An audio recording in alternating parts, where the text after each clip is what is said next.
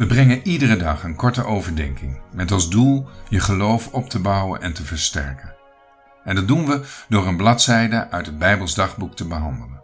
Welkom, fijn dat je luistert naar de podcast van bijbelshandboek.nl. De muziek bij deze podcast is geschreven en uitgevoerd door Jack Andrew. En het is vandaag 18 februari.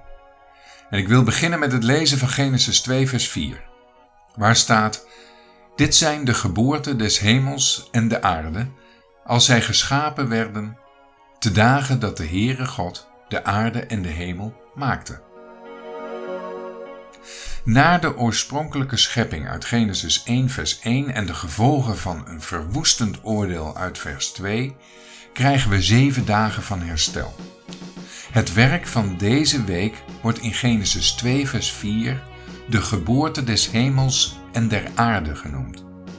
Een geboorte komt tot stand uit iets dat er al is. Scheppen echter betekent in de Bijbel het maken van iets uit niets. Ik lees Colossense 1 vers 16. Want door hem zijn alle dingen geschapen, die in de hemelen en die op de aarde zijn, die zienlijk en die onzienlijk zijn. Het zij tronen, het zij heerschappijen, het zij overheden, het zij machten. Alle dingen zijn door Hem en tot Hem geschapen.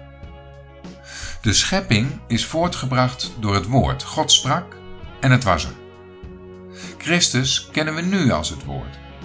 Daarom wordt van Christus gezegd dat Hij de schepper van hemel en aarde is. Alle dingen zijn door Hem en tot Hem geschapen.